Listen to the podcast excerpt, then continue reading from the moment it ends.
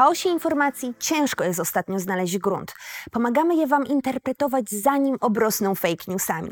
Jestem dr Monika Koperska, prezes Stowarzyszenia Rzecznicy Nauki i zapraszam Cię na kolejny odcinek serii Posłuchaj naukowca. Czy i Ty choć raz zastanawiałeś się nad tym, czy przynoszone lub zamawiane ze sklepu jedzenie jest bezpieczne do spożycia? Patrząc na nadesłane przez Was pytania, ten temat zdecydowanie wymaga eksperta. I dlatego Waszym i moim gościem dzisiaj będzie doktor habilitowany Tomasz Sawoszczuk, mikrobiolog i chemik, ekspert zarówno od przechowywania, jak i dezynfekcji, w szczególności produktów spożywczych. Profesor nadzwyczajny i szef grupy badawczej na Katedrze Mikrobiologii Instytutu Nauk o Zarządzaniu i Jakości Produktu Uniwersytetu Ekonomicznego w Krakowie oraz rzecznik Stowarzyszenia Rzecznicy Nauki. E, Tomku, Kraków, jak mnie słychać? E, bardzo dobrze Cię słychać. Witam Państwa serdecznie. E, witam Cię, Tomku, w imieniu swoim e, i naszych widzów. E, przejdźmy od razu do konkretów, czyli do jedzenia. Tomku, czy ja mogę się zarazić COVID-em spożywając posiłek? Otóż Europejska Agencja do Spraw Bezpieczeństwa Żywności, jak również Polski Główny Inspektorat Sanitarny donoszą, że posiłek nie może być źródłem ani ogniwem pośrednim zakażenia. Zresztą to samo stwierdzano w przypadku epidemii COVID-1 oraz epidemii MARS. Wówczas również nie znaleziono ani jednego przypadku potwierdzonego, gdzie posiłek byłby źródłem zakażenia. Standardowy sposób obróbki żywności, czyli gotowanie, pieczenie mięsa oraz innych produktów surowych, oczywiście powoduje eliminację flory e, bakteryjnej z posiłku i w tym również wirusów. Mhm. Ale ym, w momencie, kiedy ja sobie kupuję produkty, przynoszę je ze sklepu, czy też zamawiam, bo teraz e, takie opcje są też bardzo popularne, e, czyli wynajmuję kogoś, żeby zrobił za mnie zakupy. Te zakupy przychodzą do mnie do domu i czy, czy ja jestem z nimi bezpieczna? E, w sensie, czy ja mogę, wchodząc w interakcję z tymi zakupami, w jakiś sposób zainfekować siebie? To znaczy, wirus może występować na powierzchni opakowań i teraz w zależności od typu opakowania on będzie mógł przetrwać na powierzchni tego opakowania przez różny okres czasu. Z tego, co powiedziałeś, rozumiem, że nie mogę się zarazić spożywając posiłek. Natomiast co powiesz mi o zakupach, które y, albo ktoś robi w moim imieniu, bo teraz są takie też usługi, albo ja sama y, robię w sklepie i przynoszę y, zakupy ze sobą do domu. Czy tutaj istnieje jakieś ryzyko przeniesienia wirusa do swojego domu? Wirus może przetrwać na różnych powierzchniach przez różny okres czasu, w zależności od typu powierzchni. Jeśli weźmiemy pod uwagę tutaj E, na przykład powierzchnię monet, które zawierają miedź, no to na takiej powierzchni monet on może przetrwać e, do 4 godzin. Jeżeli weźmiemy pod uwagę powierzchnię papieru, kartonów, tutaj mamy, może on przetrwać nawet do 24 godzin. Natomiast w przypadku powierzchni plastiku oraz metalu mówi się, że na tej powierzchni wirus może być obecny jako forma aktywna do 72 godzin. Oczywiście wszystko to zależy w jakiej temperaturze i wilgotności się to odbywa, ponieważ e, im niższa temperatura i większa, większa wilgotność, tym wirus e, jakby pozostaje dłużej aktywny. Natomiast zawsze możemy spróbować dezynfekować czy w jakiś sposób usunąć wirusa z powierzchni takich opakowań. I teraz w przypadku opakowań papierowych oczywiście tutaj e, nie mamy wyjścia. Najlepiej jest otworzyć takie opakowanie, higienicznie umyć dłonie, tak żeby ewentualnie pozbyć się wirusa z powierzchni naszych dłoni i wtedy zawartość ze środka przenieść do tak zwanego opakowania zastępczego, natomiast opakowanie papierowe możemy wyrzucić. Natomiast jeśli chodzi o opakowania metalowe i plastikowe, je możemy poddać dezynfekcji.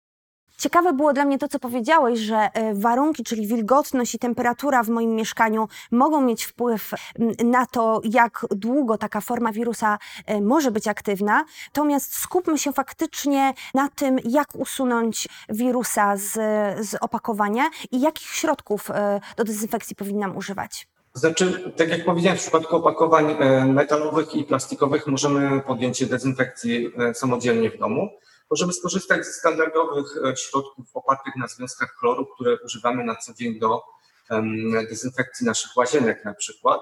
Zresztą producenci takich e, środków na opakowaniach podają instrukcje, jak przygotować, w jakich proporcjach użyć wody oraz e, środek dezynfekcyjny, aby przygotować środek do dezynfekcji powierzchni oraz podają, jak długo taki środek powinien pozostawać w kontakcie z tą powierzchnią.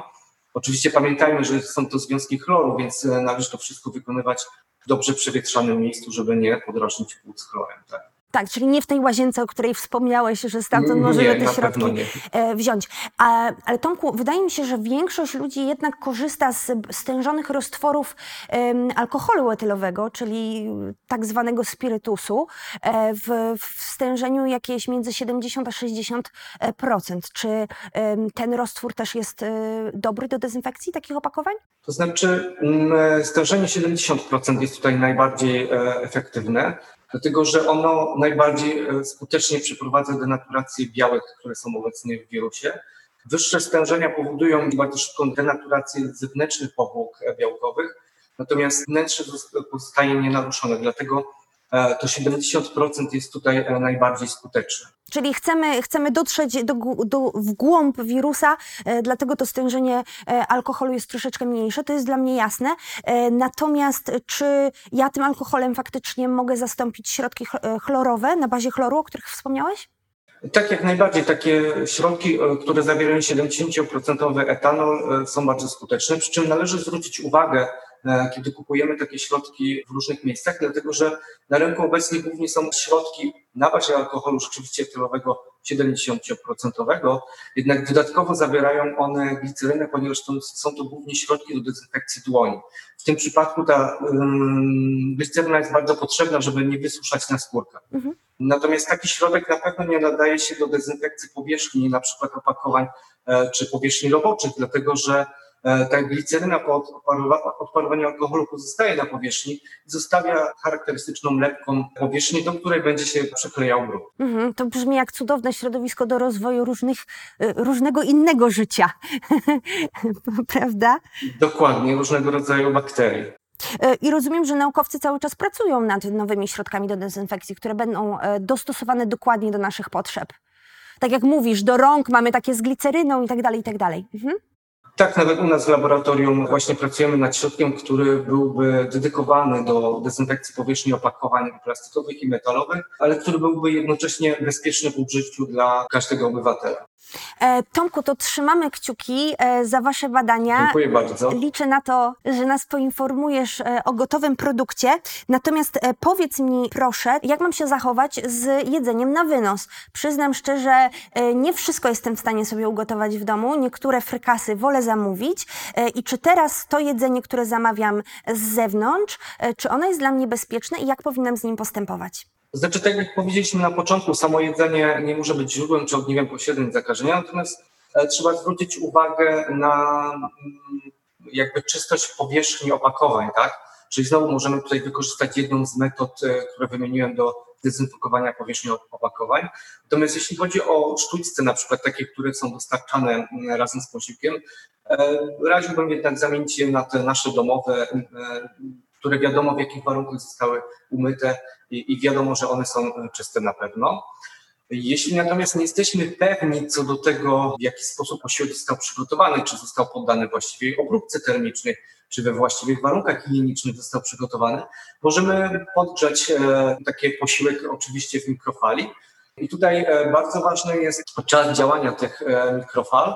Zależne jest to oczywiście od stopnia jakby uwodnienia, od zawartości wody w posiłku. No oczywiście, dlatego że mikrofale y, generalnie y, przyspieszają cząsteczki wody, które są zawarte w jedzeniu, więc to, co mówisz, jest dla mnie bardzo intuicyjne, bo musimy mieć tę wodę, żeby one, y, żeby one zostały przyspieszone i dopiero to ogrzewa nam y, produkt. Dokładnie, dlatego im e, mniej wody, tym jak gdyby musimy stosować e, wyższe e, wartości m, e, mocy w kuchence mikrofalowej, e, czyli na pewno powyżej 600 watów.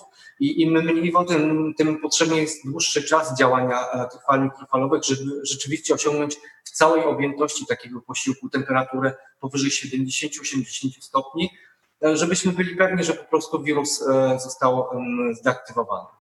E, To są bardzo jasne wytyczne. Y, y, Bardzo Ci dziękuję. Jeszcze moje ostatnie pytanie odnośnie tego, co wydarzyło się w, w ostatnich dniach. Y, 18 maja y, otworzone zostały restauracje, możemy z nich korzystać. I teraz, czy masz jakieś takie rady dla wszystkich tych, którzy właśnie chcą y, w weekend polecieć do swojej ulubionej restauracji, jak tam się zachować i czy to jest bezpieczne z Twojego punktu widzenia? Bardzo ciekawy artykuł opublikowali studenci z Uniwersytetu Kawasaki z Japonii.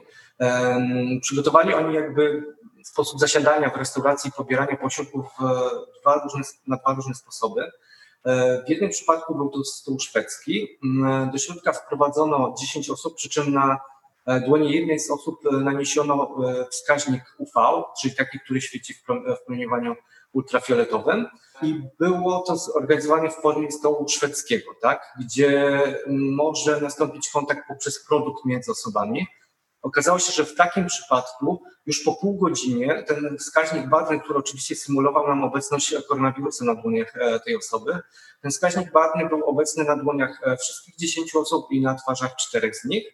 Natomiast e, w drugim eksperymencie, gdzie posiłki były wydawane indywidualnie, również sztuczce były dostarczane indywidualnie, nawet po pół godzinie nadal ten wskaźnik barwny, ten wskaźnik UV pozostawał tylko na dłoniach osoby, która została nim naznaczona. Czyli co, Tomku, e, generalnie unikamy szwedzkiego stołu, tak? Ty Do tego zmierzasz? Tak, na obecną sytuację raczej unikajmy tego bezpośredniego kontaktu, czy też w tym przypadku jest to pośredni kontakt poprzez posiłek i sztućce e, naczynia, które dotykamy. Raczej e, stosujmy tutaj indywidualne zamówienie posiłku i, i indywidualny odbiór sztućce. Najlepiej by było, żeby kucharz na naszych oczach wszystko przed nami gotował, prawda? Myślę, że ekskluzywne restauracje mogą sobie na pewno coś takiego pozwolić. Tomku, uspokajasz mnie i mówisz, e, że nie tylko możemy jeść smacznie teraz, ale faktycznie e, bezpiecznie i możemy ze spokojem spożywać e, posiłki, co mnie bardzo cieszy. E, Tak zresztą na stronie Głównego Inspektoratu Sanitarnego e, widnieje informacja, że tak zwany take-out, czyli e, posiłki na wynos, można spożywać bezpiecznie, przy czym zaleca się, żeby one były spożyte zaraz po przyniesieniu do, do domu. Tak? Posiłki ugotowane, upieczone jak pizza, ziemniaki można przechowywać do dnia następnego, przy czym one muszą być przechowywane w temperaturze poniżej 5 stopni Celsjusza w lodówce. Nie zaleca się przechowywania do następnego dnia resztek niezjedzonego posiłku, czyli e, niestety to, te musimy wyrzucić. Natomiast jeśli chodzi o duże porcje, jeśli stwierdzimy, że nie jesteśmy w stanie danego dnia spożyć całej porcji, należy podzielić je na dwie i e, jedną z nich przechować w lodówce do następnego dnia, drugą e, można spokojnie spożyć. Natomiast pamiętajmy następnego dnia przy podgrzewaniu o tym, że na przykład właśnie to, o czym mówiliśmy w kuchence mik- mikrofalowej, ten posiłek musi być odpowiednio długo e, podgrzewany, w zależności od tego, ile e, zawiera w sobie wody. Im więcej tej wody, tym, tym czas jest krótszy, im mniej wody, ten czas powinien być dłuższy. No i jak tutaj podaje literatura światowa, to podgrzewanie powinno wynosić od 60 sekund do 5 nawet minut. Tak jak mówiłem, w zależności od zawartości wody.